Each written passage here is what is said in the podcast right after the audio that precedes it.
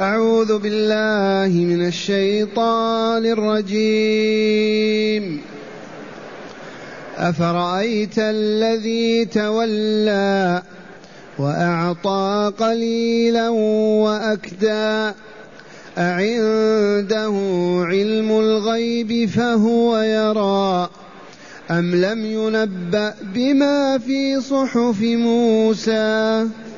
وإبراهيم الذي وفى ألا تزر وازرة وزر أخرى وأن ليس للإنسان إلا ما سعى وأن سعيه سوف يرى ثم يجزاه الجزاء الأوفى وأن إلى ربك المنتهى وأنه هو أضحك وأبكى وأنه هو أمات وأحيا وأنه خلق الزوجين الذكر والأنثى من نطفة إذا تمنى وأن عليه النشأة الأخرى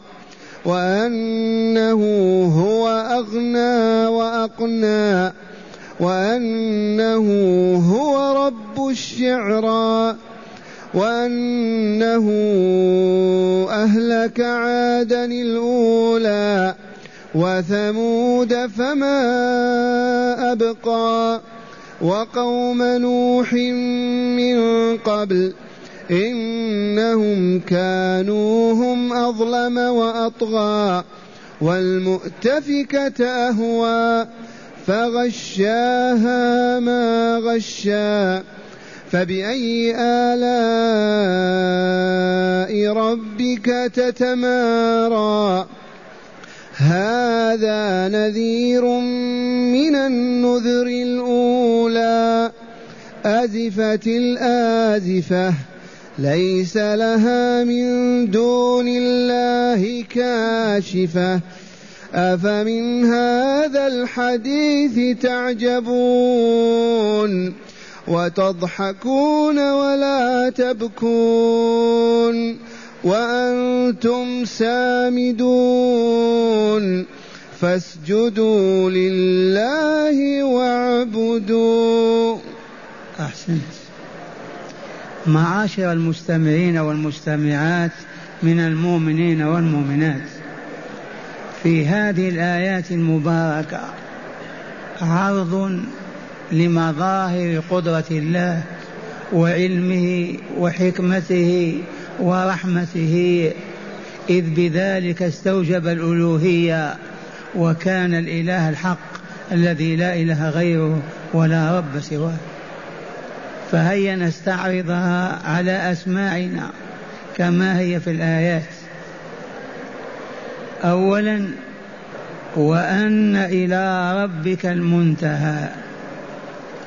أيها المؤمن أيها العاقل أيها البصير نهاية الكون والحياة كلها إلى الله. فلا إله غيره يستحق أن يعبد معه. إلى ربك المنتهى. كل شيء يرجع إلى الله عز وجل. هو خالق ومدبره والمتصرف فيه. فلما نلتفت إلى اللات والعزى ومناة الثالثة الأخرى. وأنه هو أضحك وأبكى. فمن الذي يضحك ويبكي؟ من الذي يجعل الإنسان يضحك مرة ويبكي مرة أخرى؟ من الخالق لهذه الصفات؟ والله لا خالق إلا الله. كيف تضحك أنت؟ كيف تبكي؟ لولا أن الله أضحكك والله ما ضحكك لولا أن الله يبكيك والله ما تبكي. من الذي خلق الضحك وخلق البكاء؟ خلق الخير وخلق الغير. خلق السعادة وخلق الشقاء. خلق الصحة وخلق المرض. من الفاعل لهذه؟ صنم من الأصنام. لا إله إلا الله.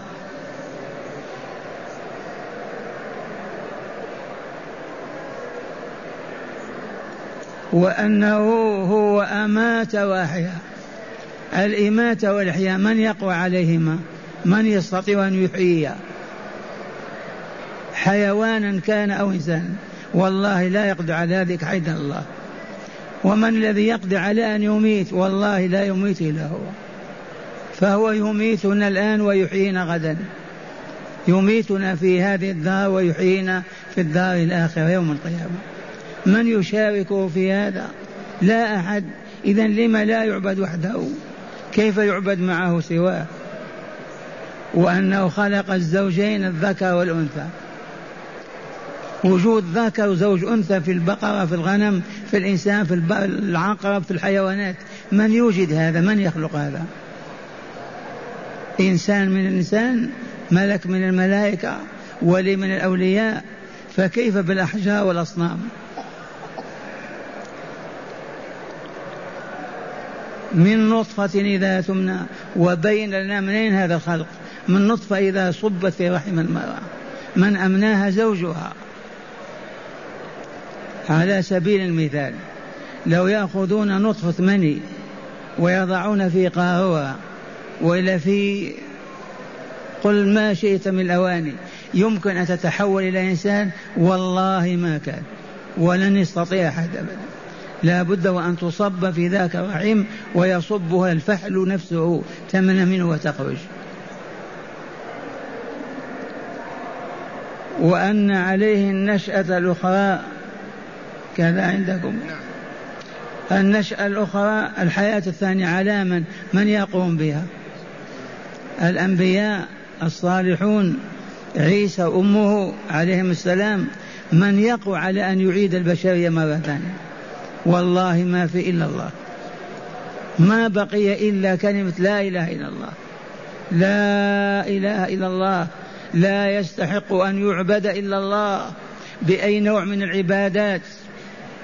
إذ هو خالق كل شيء وبيده كل شيء وإليه مصير كل شيء. الحياة كالموت وكل ذلك بيده. فكيف تعبدون غيره؟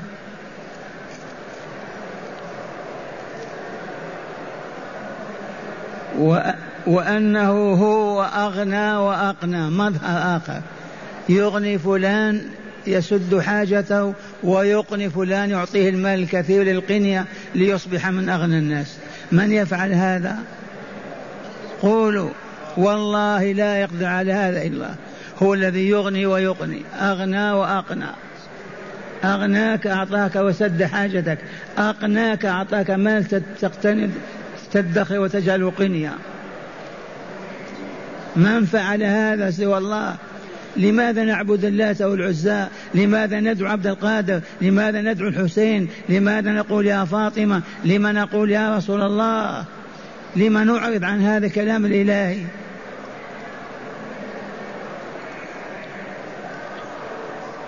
وأنه هو رب الشعراء. الشعراء كوكب. من الكواكب الكبيرة. كان العرب يعبدونه يؤلهونه لجهلهم وضلالهم.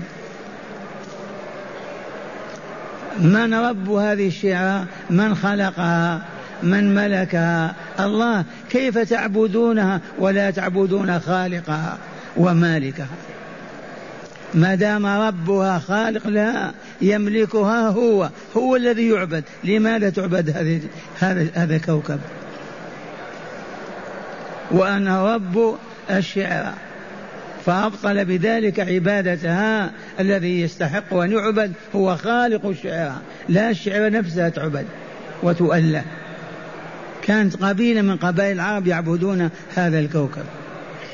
وأنه أهلك عاد الأولى عاد قوم هود جنوب الجزيرة هذه الأمة من أهلكها؟ فيه إنسان يهلكها ويدمرها ويجعلها ترابا بعدما كانت مباني وقصور. أهلك عاد الأولى وثمود قوم صالح في شمالنا من أهلكهم؟ هذا الذي يستحق أن يعبد أو اللات والعزى. وثمود فما أبقى وقوم نوح من قبل من قبل هود ومن قبل ثمود. من أهلك قوم؟ الله. نوح عليه السلام عاش ألف سنة وكفر وبعد ذلك ما استجابوا له أغرقهم كلهم في البحر. ونوحا فما أبقوا ونوحا. وقوم نوح من قبل أي من قبل عاد وثمود كانوا أظلم أي أكثر شركا وأطغى أكثر طغيانا. إذ كانوا يعبدون ماذا؟ اللات العزى يعبدون خمس آلهة مذكورة في سورة نوح عليه السلام. يغوث ويعوق ونصر وود وسواع. خمسة. فنهاهم عن عبادتها ألف سنة إلى خمسين سنة. ما استجابوا. إنهم كانوا هم أظلم وأطغى. ثم والمؤتفكة أهواها فغشها ما غشا المؤتفكة مداين قوم لوط. البحيرة المنتنة الآن سدوم وعمورة رفعهم فوق إلى السماء وقلبهم. ثم أسقط عليهم الحجارة. هذا الذي يستحق أن يعبد إلى الأصنام. هذا الذي يقدر على هذا هو الذي يستحق أن يعبد. والمؤتفكة أهواء فغشاها ما غشاها غطاها بأنواع الحجارة وألوان العذاب. ثم قال تعالى بعد هذا العرض العجيب لمظاهر قدرة الله ووجوده وعلمه وحكمته وأنه لا إله إلا هو. فلا يعبد معه غيره لا ملك مقرب ولا نبي مرسل ولا عبد صالح فضلا عن الأشجار والأحجار والأصنام. فقال تعالى بعد هذا يخاطبك أيها الإنسان فبأي آلاء ربك تتمارى؟ هذه النعم التي مرت بين يديك ما هي التي تنكرها؟ أخبرنا. فبأي آلاء نعم ربك التي مرت بنا في هذه المظاهر من يأتي بها؟ لم تشك فيها أنت؟ وتتمارى وتكذب. هذا توبيخ وتقريع للمشركين والكافرين. ثم قال تعالى هذا نذير من النذر الأولى. هذا الذي سمعتم ورسول الله جاء به يحمله ويدعو إلى عبادة ربه. هذا نذير كالنذور التي جاء بها نوح وهود وإبراهيم وصالح. نذير من النذر الأولى. رسولكم محمد صلى الله عليه وسلم مثل, مثل موسى وإبراهيم وداود. وما ينذرك به هو ما أنذروا قومهم. هذا نذير من النذر الأولى. ثم قال تعالى آزفت الآزفة. إعلان عن قرب الساعة. آزفت قربت الساعة والله. آزفت الآزفة. يخبر عن القيامة قد قرب وقتها. والله لقد قرب وقتها. آخر الأنبياء محمد صلى الله عليه وسلم في آخر أيام الدنيا ومرت قبل ألوف السنين. ونحن ألف وأربعمائة وعشرين. والله لقد أزفت وقربت وعما قريب تظهر. من المخبر بهذا من المخبر المخبر أليس الله هو خالقها والمدبرها أزفت الآزفة ليس لها من دون الله كاشفة. في من يردها في من يصف القيامة. يوجد يعني ليس لها من دون الله كاشف أبدا. تظهرها وتكشفها وتعلن عنها غدا أو بعد غد. فالساعة غيب لا يعلمه إلا الله. متى تقوم الساعة لا يعلم هذا. ملك من الملائكة ولا نبي من الأنبياء ولا رسول من رسل فضلا عن غيرهم. والله لا يعرف متى الساعة إلا الله. استأثر الله بها. الملائكة في السماء ما يعرفون. ليس لها من دون الله كاشفة.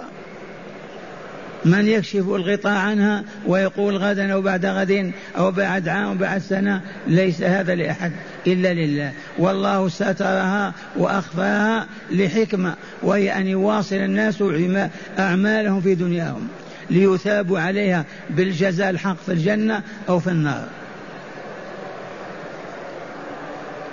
ثم قال تعالى أفمن هذا الحديث تعجبون يا كفار قريش؟ أفمن هذا الحديث الحديث تعجبون؟ هذا كلام يعجب هذا هذا الذي سمعناه. من يقوى على قوله من يأتي به من ينسب إليه سوى الله وبعد هذا تضحكون وتستسخرون. إذا سمعوا هذه الآيات يضحكون تحديا وعنادا. وأحيانا يسبون ويشتمون ويسخرون. أفمن هذا الحديث تعجبون وتضحكون وأنتم سامدون ولا تبكون. أفمن هذا الحديث الذي سمعتموه تعجبون وتضحكون ولا تبكون. المفروض إذا سمعوا كلام الله ما يضحكون ولا يعجبون. يقولون آمنا آمنا آمنا. لا يعجبون. ويضحكون استهزاء وسخرية إذا سمعوا الرسول يقرأ أو يحدثهم يقولون.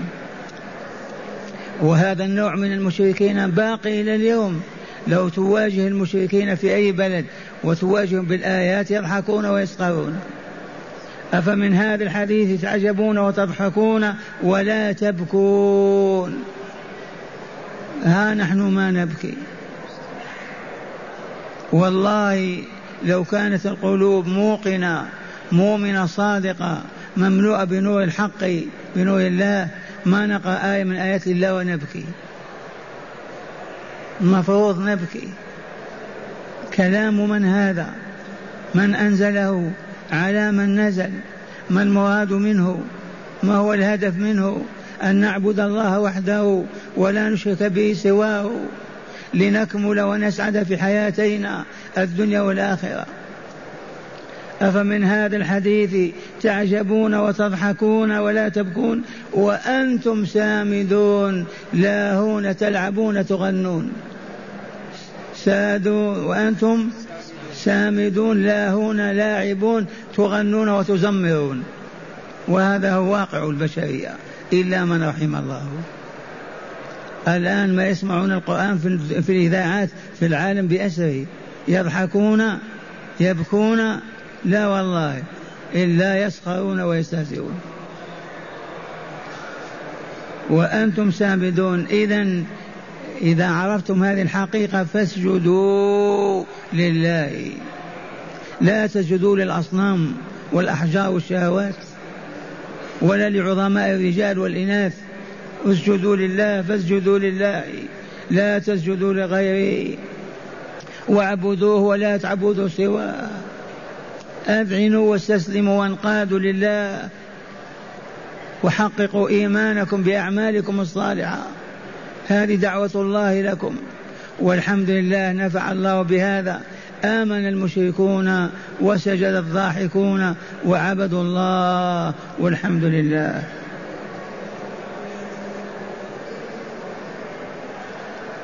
من هداية الآيات؟ بسم الله والحمد لله والصلاة والسلام على خير خلق الله سيدنا ونبينا محمد وعلى آله وصحبه. من هداية هذه الآيات تحذير الظلمة والطغاة من أهل الكفر والشرك من أن يصيبهم ما أصاب غيرهم من الدمار والخسران. من هداية الآيات تحذير أهل الشرك والكفر والفسوق والفجور. تحذير من أن يصيبهم ما أصاب من قبلهم كعاد وثمود والمؤتفكات. من هداية الآيات تحذير أهل الغفلة والإعراض. والفسق والفجور والشرك والكفر أن ينزل بهم عذاب كما نزل بعاد قوم هود وبثمود قوم صالح والمؤتفكات قوم لوط. نعم. ثانيا بيان قرب الساعة وخفاء ساعتها عن كل خلق الله حتى تأتي بغتة. من هداية هذه الآيات بيان قرب الساعة. ساعة القيامة وأنها والله لقريبة ولا يعلم ذلك إلا الله.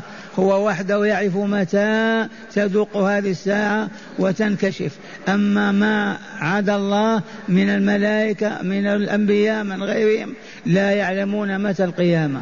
لكن القرب عرفناه أخبر تعالى بأنها قريبة آزفت فقط متى ما نعرف. وأعلمنا رسول بعلامات عظمى. عشرات العلامات. ظهر كثير منها أكثر من ستين علامة. وبقيت عشر علامات كبرى. إذا ظهرت علامة واحدة تتابعت. وتمت في أقرب وقت. وهي أن تطلع الشمس من مغربها. إذا استيقظتم غدا ووجدتم الشمس طلعت من المغرب اعلموا أن الساعة وصلت. نعم. ثالثا ذم الضحك مع الانغماس في الشهوات. ثالثا من هداية الآيات ذم الضحك مع الانغماس في الشهوات والباطل. سخرية هذا. تضحك وأنت, وأنت مغموس في الفواحش والمناكير. يضحك الذي يحمد الله على نعمة أنعم به عليه. يضحك وهو مغموس في الباطل والشهوة والفساد. هذا لموت القلوب والعياذ بالله. وأنتم سامدون نعم. رابعا الترغيب في البكاء من خشية الله. رابع الهدايات. الترغيب في البكاء من خشية الله. هذا المفقود عندنا. ولا نرفع شكوانا إلا إلى ربنا. البكاء من خشية الله. متى يحصل فينا؟ متى نجده؟ وخاصة إذا كنا منفردين في ظلام الليل نعبد ونسجد نبكي. نقرأ آيات من كتاب الله وأنا وحدي. تدمع عيني وتذف الدموع ونبكي. هذا لا بد منه وإلا قلوبنا قاسية والعياذ بالله. خامسا كراهية الغناء واللهو واللعب. خامس الهدايات كراهية الغناء واللهو واللعب. ما قال تعالى وأنتم سامدون لا هنا تلعبون وتغنون وهذا معلوم عند أهل العلم والبصيرة. لا يجوز لنا الغناء ولا المزامير ولا الطبول ولا ولا إلا في حال واحدة وهي العرس. أذن الرسول بالدف في العرس فقط. أما هذه المزامير والأغاني في كل بيت وفي كل مكان والله لا تجوز لا تجوز وهي ظلم وفسق والعياذ بالله. أخيرا مشروعية السجود عند تلاوة هذه الآية لمن يتلوها ولمن يستمع لها وهي من عزائم السجدات في القرآن الكريم ومن خصائص هذه السجدة أن المشركين سجدوها مع رسول الله صلى الله عليه وسلم حول الكعبة كما في الصحيح. من هداية هذه الآيات آخر هداية مشروعية السجود لله تعالى عند تلاوة هذه الآية. فاسجدوا فاسجدوا لله. فاسجدوا لله واعبدوه. ويدل على هذا أن الرسول صلى الله عليه وسلم سجدها والمشركون في مكة يسمعون. لما سجد سجدوا كلهم. لأن إبليس ألقى في نفوسهم في أذانهم تلك الغرانيق الأولى وأن شفاعته أن ترسل فظنوا أن الرسول مدحها فلما سجد سجدوا أجمعين. وهنا لماذا ما سجدنا نحن؟ لأن القارئ إذا كان يتلو وسجد نسجد معه. ما سجد ما نسجد. القارئ إذا سجد وأنت تستمع فاسجد معه. حتى ولو كنت في السيارة. إذا القارئ ما سجد ما أنت مأمور بالسجود. ولما القارئ ما يسجد هنا؟ لأن أمة كاملة مستقبلة غير القبلة يشوش عليها وتضطرب. كيف نرجع كلنا إلى القبلة؟ فلهذا ما نسجد؟ لأن ما هي تلاوة عرض آيات فقط. يقول هل نسجد بعد الدرس؟ الحكم ما علمتم. السجود منه المؤكد الواجب ومنه المستحب. هذه من السجدات الواجبة. انتبهتم فإذا قرأها القارئ وسجد سجدنا معه ما دمنا مستمعين له.